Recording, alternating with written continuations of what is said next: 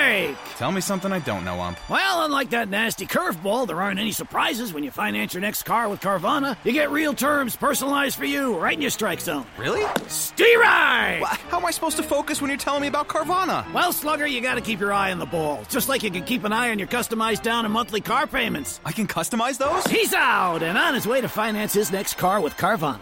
Visit Carvana.com or download the app to get pre qualified today. We'll drive you happy at Carvana.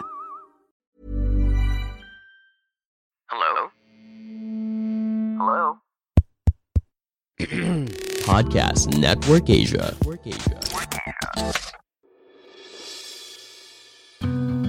Sekarang Stoicast ID telah didukung oleh Podcast Network Asia. Buat teman-teman yang ingin mempelajari lebih lanjut tentang podcast atau kalian ingin tahu gimana caranya memonetisasi podcast, boleh banget kepoin dan ikutin media sosial Podcast Network Asia atau melalui situs web di podcastnetwork.asia. Dan untuk mempermudah proses monetisasi, daftarkan podcast kalian di podmetrics.co secara gratis. memburu beasiswa berarti kita memburu sebuah tanggung jawab yang baru kan gitu dan ketika kita ingin memburu sesuatu tanggung jawab yang baru atau suatu itu gitu ya kita harus siapin dulu nih engine di dalam diri kita gitu. Siap nggak kita kira-kira menerima tanggung jawab baru itu gitu? Aku ya berharap untuk dapat eh, beasiswa. Sampai akhirnya aku ngerubah mindsetku oke tujuanmu dapat beasiswa itu buat apa sih sebenarnya? Gitu kan. Apakah bisa? Kira-kira eh, ketika kamu tidak kuliah di luar negeri kamu mencapai apa yang kamu inginkan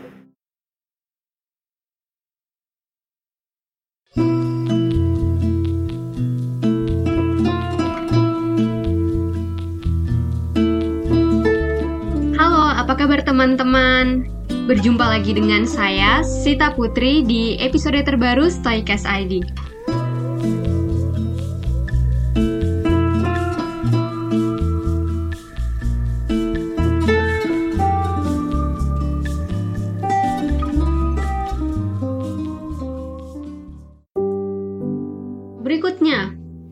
Juga pertanyaan yang jarang ditanyakan ketika seminar gitu ya di beasiswa gitu.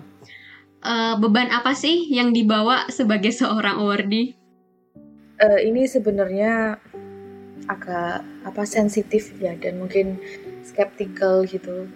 Ini ada dua sisi ya. Kadang kan memang beberapa mungkin aku sendiri lepas kontrol nih ya, kayak mungkin kurang bijak menggunakan dana beasiswa gitu kan ya. Pasti ada hal-hal yang kayak gitu kan. Tapi di sisi lain misalnya orang mungkin menjudge ya, eh, nggak semuanya tapi beberapa.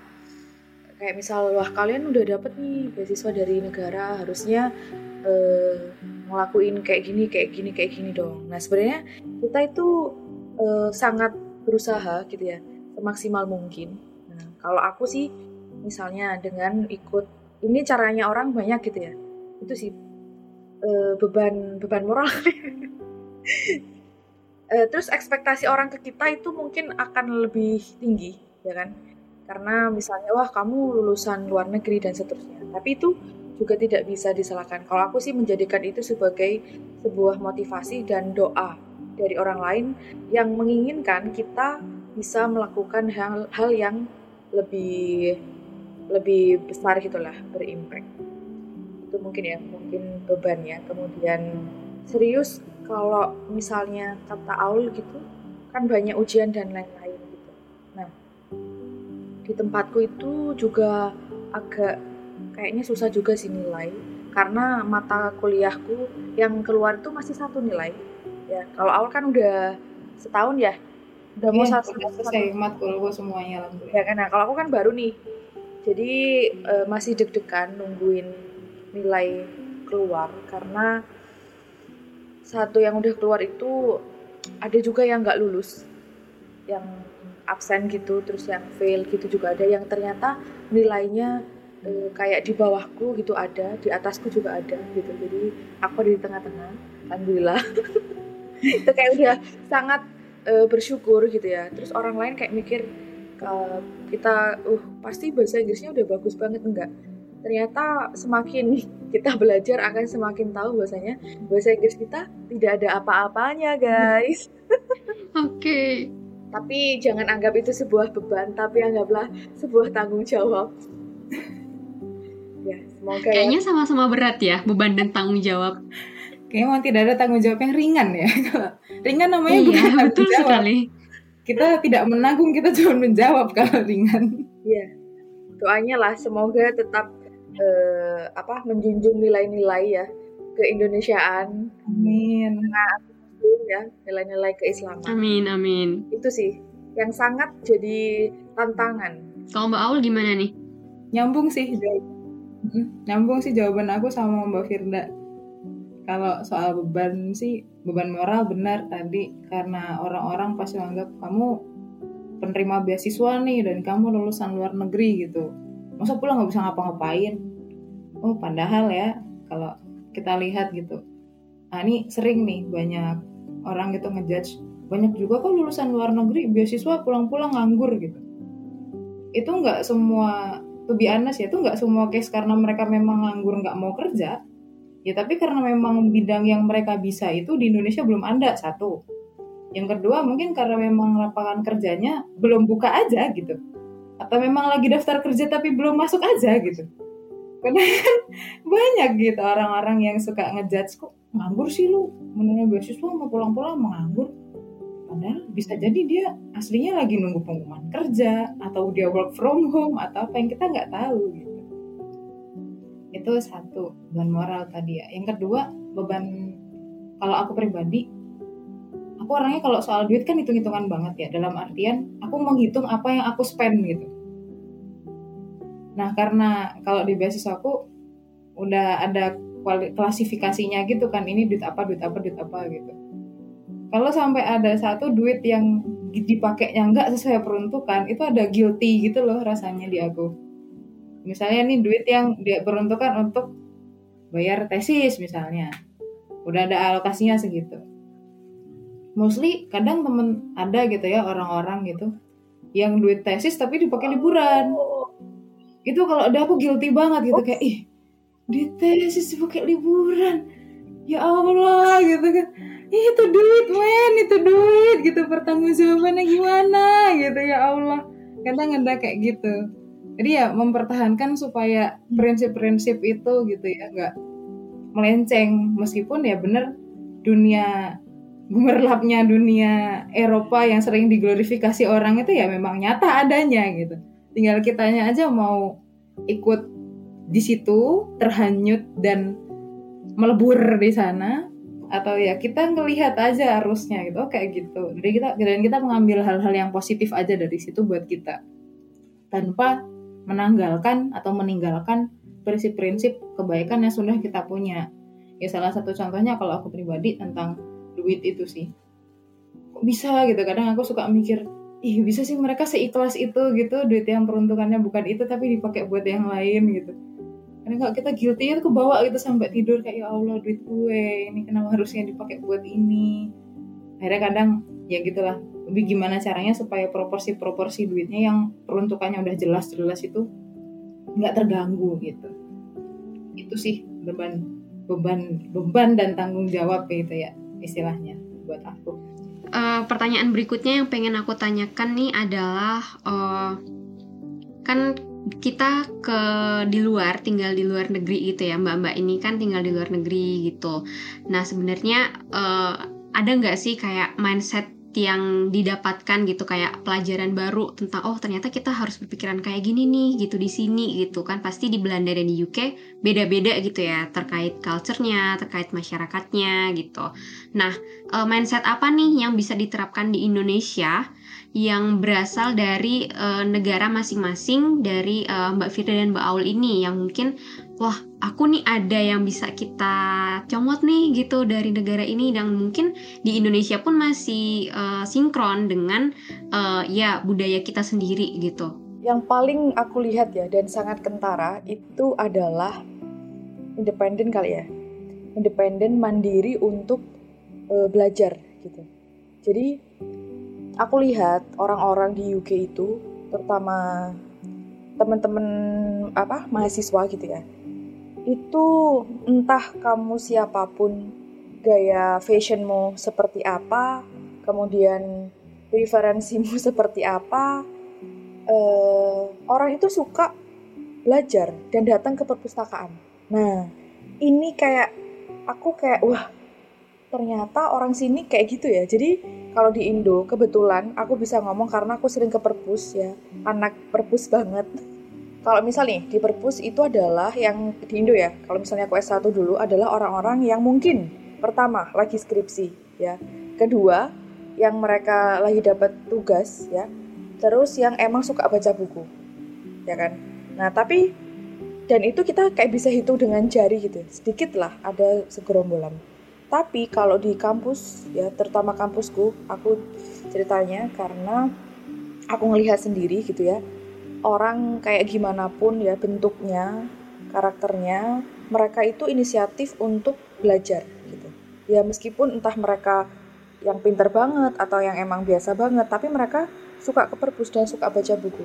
Bahkan di kereta gitu ya, atau mereka yang lagi pacaran pun itu baca buku ke mana-mana, serius jadi kayak sambil ngobrol, mohon maaf ya, di luar di UK orang itu suka menunjukkan apa ya rasa cintanya gitu kan. Jadi kayak mungkin physical touch itu udah biasa gitu kan. Itu mereka sambil baca buku sambil megang buku ke mana-mana gitu. Itu sih mungkin yang bisa kita ambil bagusnya bukan pacarnya tadi bukan ya tapi kebiasaan e, membaca buku kebiasaan ke perpus dan sebenarnya Indonesia itu bisa, tapi tinggal mau atau enggak gitu sih. Mau serius atau enggak. Enggak cuma pemerintah doang, tapi juga masyarakat. Cuma ya emang harus pemerintah sih yang benar-benar uh, memulai dan inisiatif karena fasilitas perpustakaan di sini itu enak ya, tempatnya dibu uh, dibuat senyaman mungkin. Kemudian bukunya pun juga banyak gitu ya. Kita dipermudah untuk apa namanya mengakses kemudian minjem buku dan lain-lain itu. Enak sih. Kan kalau e, stigma ya perpustakaan itu tempat yang membosankan gitu kan. Tapi kalau di sini enggak seru dia tempat duduknya enak nyaman itu sih.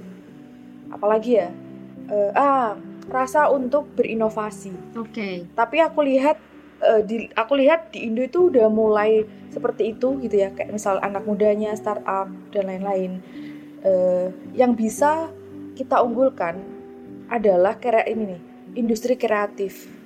Ya kalau aku melihat uh, di sini di Western Country orang itu mungkin ada yang punya sosmed tapi enggak pertumbuhannya itu enggak sebagus di Indonesia. Mm -hmm. ya kayak youtuber dan lain tuh enggak sebagus di Indonesia. Nah jadi itu mungkin bisa dijadiin kesempatan gitu ya untuk uh, berinovasi mungkin nggak cuma di bidang uh, industri kreatif tapi yang lain-lain. Karena kalau aku lihat orang di sini tuh aneh-aneh kayak bikin uh, karena aku bisnis ya.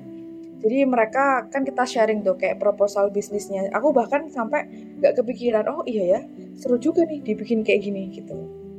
Itu sih ya keinginan untuk selalu berinovasi itu sih. Dua itu aja kayaknya. Oke okay, keren keren. Kalau dari Mbak Aul gimana? Kalau di Belanda ya satu yang paling kentara banget kalau kita mau lihat dari Belanda itu punctuality-nya. Kayak two is two.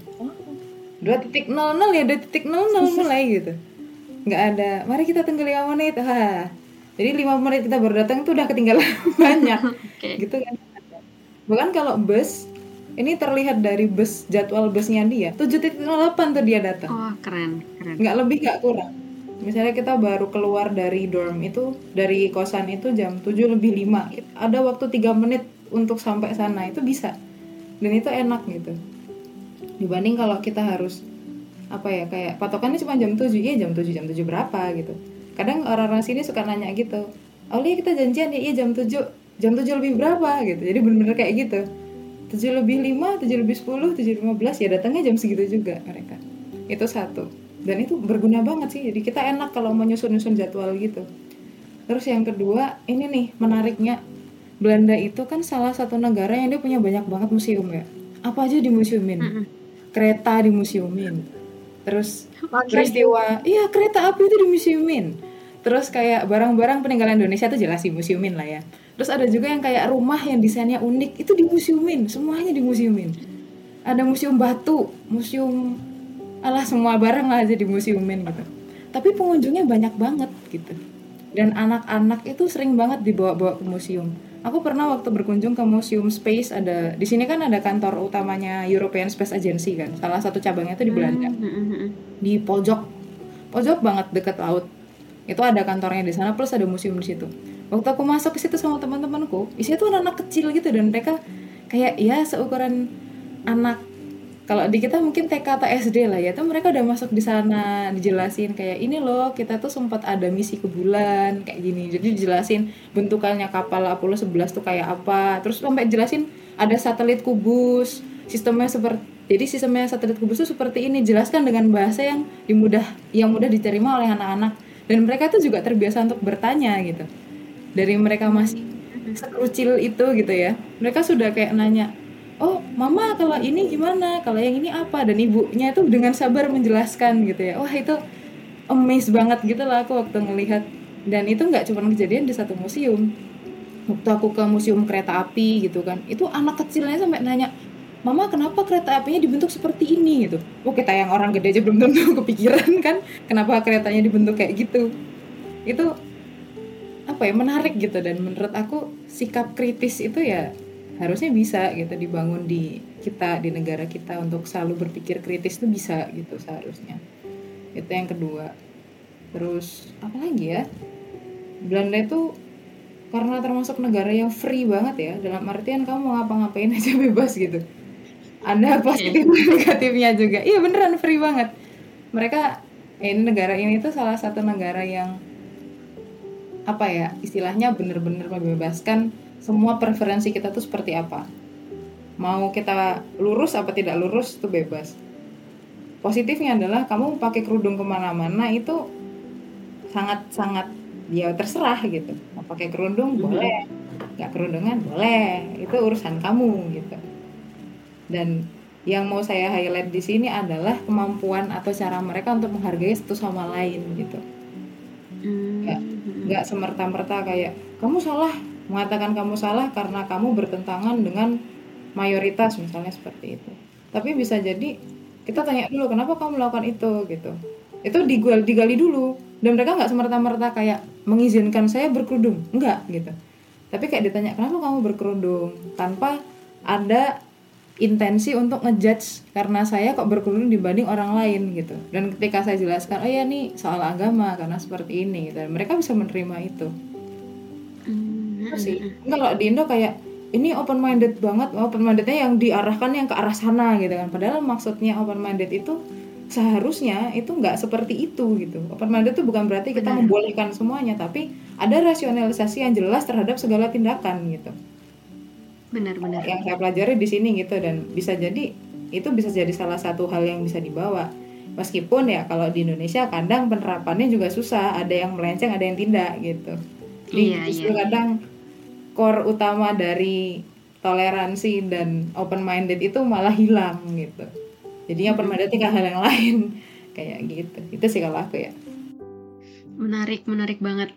Jadi apa ya kalau misalnya kita bilang yang udah ada sebenarnya di Indonesia tuh mulai ada kayak uh, pelajaran-pelajaran ya kayak filsafat ilmu itu kan juga pasti diajarin tentang berpikir kli- kritis, berpikir logis gitu. Sayangnya memang uh, orang menganggap belajar filsafat itu kayak masih berat banget gitu. Makanya uh, masih belum banyak orang dan semoga aja nanti semakin banyak orang yang membumikan filsafat ini gitu. Istilahnya biar semakin tahu pentingnya itu tuh ya untuk bersikap kritisnya itu berpikir kritisnya itu sebenarnya. Dan juga eh, apa ya? Ini ya aku langsung lanjut ke pertanyaan berikutnya aja. Aku nggak tahu mau ngomong apa soalnya udah yang wah banyak banget nih di pikiranku gitu. Untuk berikutnya mungkin kita udah tahu banyak terkait ajaran-ajaran di stoikisme ya prinsip-prinsipnya kayak tadi dikotomi kendali, kemudian kita uh, visualisasi negatif atau premeditatio malorum, kemudian uh, apalagi ya uh, trikotomi kendali, kemudian ya mencintai takdir gitu amor fati. Nah, untuk mungkin ini cocok buat pemburu beasiswa termasuk aku ya semoga S3 amin ada nggak sih ajaran stoikisme yang mungkin itu akan sangat membantu bagi para pemburu beasiswa ini gitu. Soalnya pengalaman nih dari mbak-mbak para awardee nih, siapa tahu bisa membagikan tipsnya atau wah ternyata ini cocok banget nih buat aku terapin ketika aku uh, mengejar beasiswa. Hmm, kalau aku ini sih yang selalu aku pegang ya persisten. Jadi persisten okay. dalam artian uh, orang lain itu meminta kamu untuk berhenti tapi kamu jalan gitu. Mm-hmm. Terus mungkin apa sabar dan kita harus terukur. Ya itu kan kontrol dari dalam diri juga gitu kan. Terukurnya gimana? Mm-hmm. Kadang kan kita uh, apa ya wasting time gitu. Terus ya udah aku kejar nih beasiswa, tapi sebenarnya banyak hal-hal yang kayak sudah dilewatkan. Jadi teman-teman emang harus punya ukuran tertentu kayak misal timeline gitu. Aku harus tes IELTS kapan, kemudian kira-kira aku harus apply kampus kapan? Kalau misalnya aku ternyata gagal beasiswa gimana caranya bangkit gitu ya? E, mungkin pengalaman pertama mungkin sedih pasti ya. Tapi kalau udah kebiasaan kayak aku nih yang udah ditolak berkali beda ya e, mungkin ya kayak misalnya Aul ya itu emang udah rezekinya Aul. Orang kan nggak tahu Aul dibentuk itu sudah dari kecil. Kalau aku lihat ya kalau kita saling sharing itu dia dari kecil udah dibentuk untuk menjadi orang yang misal tough gitu. Mungkin aku kebentuknya baru pas kuliah atau gimana kan nggak tahu ya orang itu sih. Mm-hmm. jadi terus terakhir eh, nggak uh, usah mendengarkan kata orang lain. Jadi tidak selamanya saran itu harus kita dengarkan.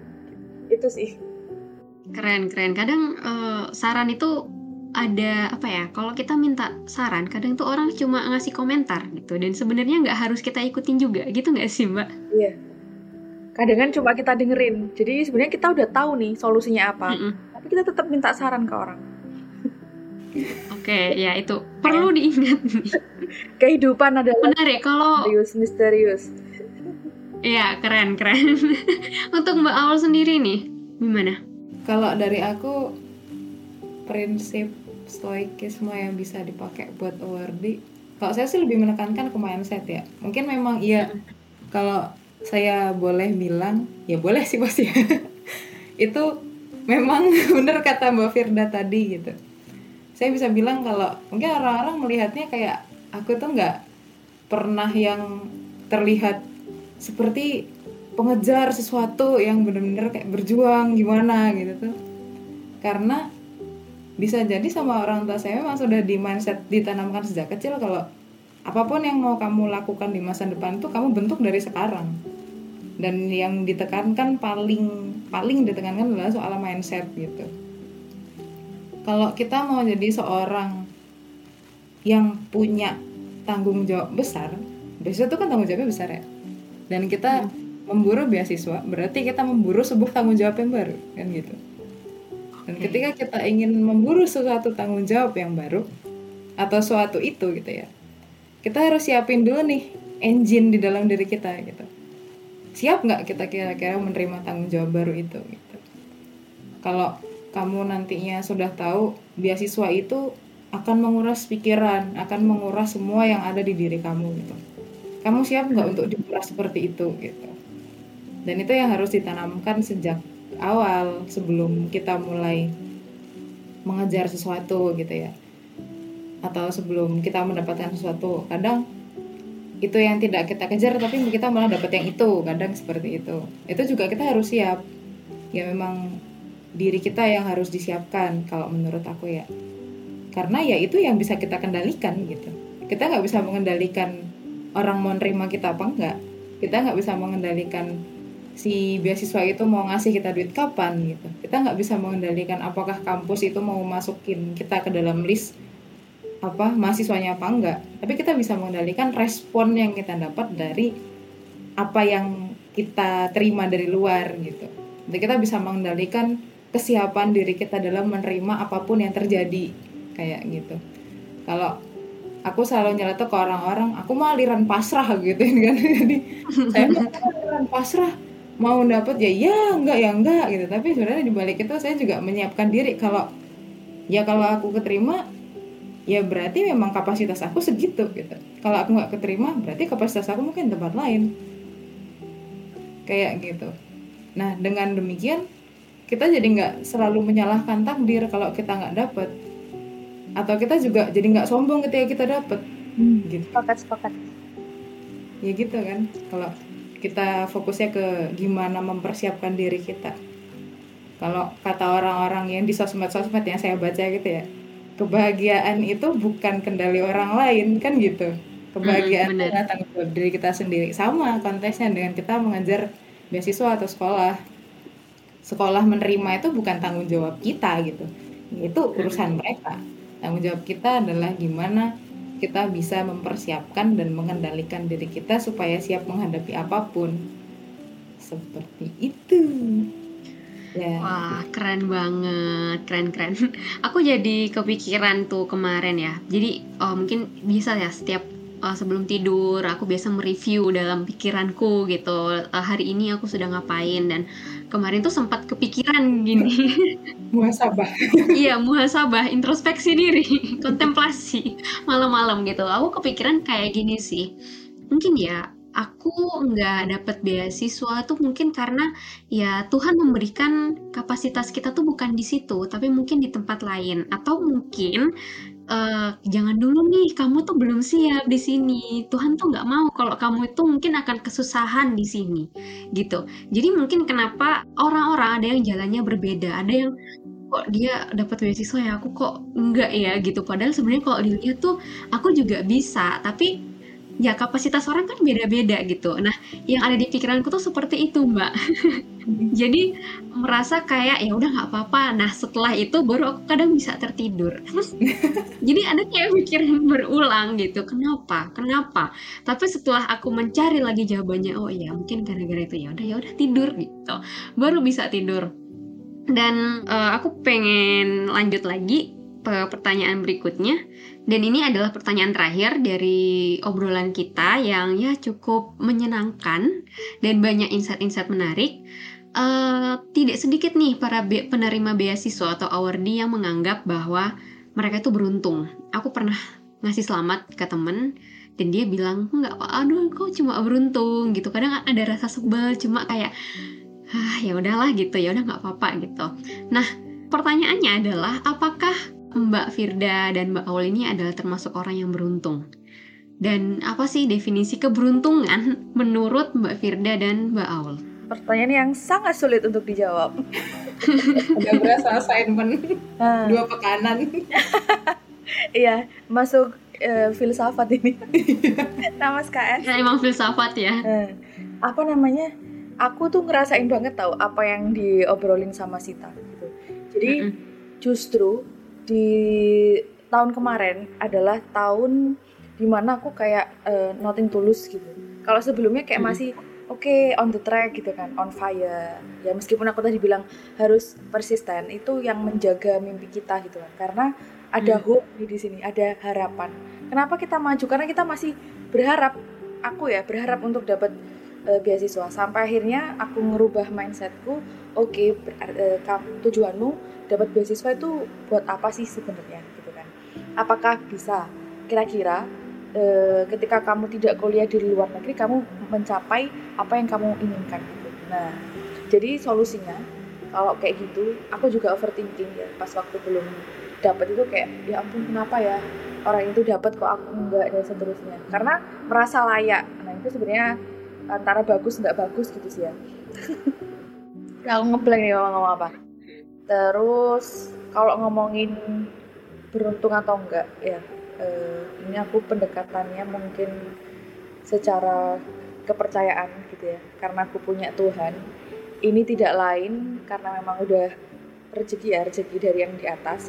Kemudian doa kedua orang tua itu pasti sama dukungan keluarga. Itu kerasa banget sih. Jadi aku nggak akan sampai di sini tanpa orang orang lain yang aku entah sengaja temui atau enggak. Ya termasuk misal nih orang yang pernah menyakiti kita di masa lalu.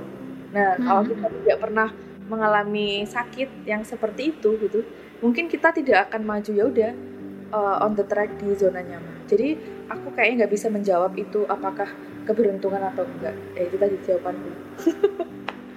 Oke. Kalau definisinya nih? Definisi apa dari keberuntungan tuh menurut Mbak Firda apa sih? Eh, kalau misal aku ngomong itu rasa syukur dan apa ya penerimaan diri gitu masuk beruntung nggak Ya nggak apa-apa, itu kan definisi menurut Mbak Firda sih. karena misal nih ya aku eh, masuk univers- University of Leeds sebenarnya Mm-mm. bukan pilihanku yang pertama nih ya ada Mm-mm. kampus lain yang aku pilih misalnya University of Glasgow nah meskipun aku dapat eh, LOE dari kedua-duanya ya meskipun Leeds ini jadi bukan pilihan yang utama tapi aku juga beruntung bisa dapat dan kuliah di sini gitu. Dibandingkan aku yang sebelumnya yang masih struggling eh, daftar beasiswa. Jadi tergantung on the context dan tergantung situasi. Kadangan kita telat gitu ya telat itu kayak nggak beruntung eh ternyata justru mungkin karena kamu telat di stasiun kamu ketemu jodohmu kan kita kan nggak ada yang ngerti Oke, benar benar. Eh, eh, gitu maaf ya nggak jelas Kok akal sensitif ya? iya lah umur umur sensitif ini Oke, kalau Mbak Aul nih, apakah termasuk orang yang beruntung dan sebenarnya definisi beruntung menurut Mbak Aul itu yang seperti apa? Apakah harus yang kerja keras terus, terus eh, kita juga harus punya mimpi yang tinggi? Apakah nanti kita akan apa ya mendapatkan keberuntungan gitu? Kalau aku ya, I'm echoing what Mbak Firda said gitu. Karena memang aku juga orang yang bertuhan ya. Jadi aku merasa bahwa keberuntungan itu adalah sesuatu yang kita usahakan dan sesuai dengan jalan yang Tuhan kasih ke kita gitu. Hmm, Even though kita juga nggak tahu jalannya itu sesuai apa Hmm. tidak. Tapi aku percayanya gini, bahwa kalau aku dapat, eh gimana ya gini. Jadi aku tuh selalu berdoa kalau misalnya ada aku lagi daftar sesuatu atau ngajar sesuatu, aku selalu doanya gini. Ya Tuhan, kalau ini memang jalannya, tolong diterima. Tapi kalau enggak, tolong dikat di awal gitu. Biar aku nggak terlanjur berusaha dulu. Udah. Terus doanya kayak gitu, itu spesifik banget. Jadi tolong diapain gitu lah di awal tuh dikat gitu biar aku tuh nggak ke situ. Kalau itu memang bukan yang terbaik. Jadi ketika aku dapat, ya aku selalu merasa bahwa oh, berarti memang ini jalan yang sudah Tuhan kasih buat aku gitu. Dan aku merasa beruntungnya karena itu. Karena aku merasa aku sudah dapat ACC untuk ke sini gitu. Kalau aku nggak ke situ, eh kalau misalnya aku nggak bisa masuk, ya eh kalau gimana ya? Kalau misalnya aku nggak berhak tuh dapat itu, aku pasti nggak bakal dimasukin ke sana. Kalau aku sama ini yakinnya seperti itu. Bahkan to be honest, sekolah ini pun bukan hal yang kayak aku kejar banget, yang kayak aku harus sekolah gitu. Itu nggak nggak gitu gitu. Karena aku punya tujuan yang setelah sekolah aku mau ngapain, terus aku runut satu-satu gitu kan. Ya salah satu jalannya dengan sekolah. Ya aku cuman berdoa gitu. Ya Allah mana pun jalan yang kamu eh yang engkau mau dan engkau ridhoi ke saya gitu. Tolong kasih yang itu. Karena saya bingung nih jalannya banyak banget. Gitu. Tolong dikasih. Iya. Ternyata dikasihnya ke sini kan. Oh, berarti oh berarti memang ini yang memang jalan yang harus aku tempuh gitu. Itu kalau aku keberuntungan itu aku definisikan seperti itu. Itu. Oke. Keren banget nih. Aku jadi nih, merefleksikan banyak hal juga gitu. Kadang oh iya ya, oh ya doanya mungkin harus kayak gitu nih gitu. Biar apa ya? Biar kita juga nggak kecewa dalam artian kecewanya nggak yang berlebihan gitu ya mungkin mbak. Jadi ketika udah oh ini Iya. nih ada tanda-tandanya nih. Oh ya udah nggak apa-apa. Kalau itu berarti ada nih bakal diganti dengan hal yang lain gitu. Iya. Oke teman-teman, eh, sebelum kita tutup nih aku pengen nanya ke Mbak Firda dan Mbak Aul, kalau misalnya ada teman-teman dari pendengar Stoikes ID yang ingin berdiskusi, entah nanya tentang beasiswa atau nanya terkait diskusi kita ini, eh, bisa hubungi Mbak Firda dan Mbak Aul di sosial media atau mungkin ada email pribadi gitu kah? Boleh dikasih tahu ke pendengar? Karena aku aktif di Instagram, Hmm. teman-teman bisa follow ya. Silahkan follow Oke. Instagram saya. Eh, terus kemudian kebetulan saya juga concern di dunia pendidikan. Jadi kalau misalnya mau tanya-tanya tentang beasiswa, cara daftar kampus, ya bikin motlet, sebisa mungkin se- nanti dibalas dan kita bisa sharing. Eh, bisa apa ya? Nama Instagramnya Fir Firda Alfiani 1. F ya, pakai F semua. Firda Alfiani 1 Oke. atau kalau mau email juga bisa emailnya sama Firda Alfiani 01 at gmail.com Sip Ya, sip. Kalau selfie ya? eh. Oke, kalau Mbak Aul, Kalau aku aku bukan anak IG banget tapi bisa di reach out dengan IG. oke. bisa DM langsung aja ya di follow DM mau nggak di follow juga nggak apa-apa terserah at ya teh ya S H A F I R A A U L I A R I Eh, panjang ya nama saya Nanti akan aku tapi- kasih di caption Ah. ini ya, deskripsi untuk episode. Iya pokoknya ketik aja nama lengkap aku pasti muncul deh itu. Oke, oke. itu mantap. kalau mau nge DM di situ bisa kalau mau di email ya panjang juga tuh namanya Syafira Aulia Roshidait at gmail.com Oke. karena dulu nama Syafira banyak Aulia banyak ya jadi tulis aja semuanya Iya, iya. Oke, panjang ini ya nggak apa-apa nggak apa-apa nanti akan aku tulis di deskripsi biar teman-teman tuh juga bisa langsung eh, cari gitu ya di Instagram. Oke, eh, sekian dulu obrolanku dengan Mbak Aul dan Mbak Firda di episode kali ini. Semoga obrolan kami membuat teman-teman mendapatkan wawasan baru yang bermanfaat untuk diterapkan di kehidupan sehari-hari, terutama buat para pemburu beasiswa mungkin yang mendengarkan dan mungkin teman-teman yang awalnya jadi eh, sebelumnya itu pengen apa ya belum tertarik tapi mulai tertarik gitu ya. Nah ini bisa jadi eh, apa ya step awal gitu dari mendengarkan eh, episode ini episode ya ke-40-an dari Stoikas ID kalau nggak salah ya. Udah sampai jauh ini kita di episodenya udah banyak banget. Oke terima kasih untuk Mbak Aul dan Mbak Firda sudah bersedia hadir di Stoikas ID semoga sehat selalu dan sukses studinya. Ditunggu di Indonesia biar bisa ngobrol-ngobrol lagi dengan topik menarik lainnya. Siap siap siap. Terima kasih sudah diundang di podcast kali ini Iya, sama-sama. sama-sama. Oke terima kasih juga buat teman-teman yang sudah mendengarkan episode kali ini hingga selesai. Dan jangan lupa berikan rating ya untuk Stoikas ID agar podcast ini bisa menjangkau lebih banyak pendengar yang ingin mempelajari tentang Stoikisme saya Sita Putri dan Saya Aulia. saya Firda. Pamit sampai jumpa di episode berikutnya. Bye. bye. See you guys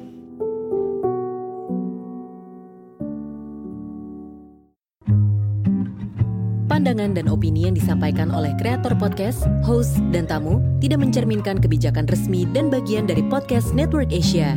Setiap konten yang disampaikan mereka di dalam podcast adalah opini mereka sendiri dan tidak bermaksud untuk merugikan agama, grup etnik, perkumpulan, organisasi, perusahaan, perorangan, atau siapa pun dan apa pun.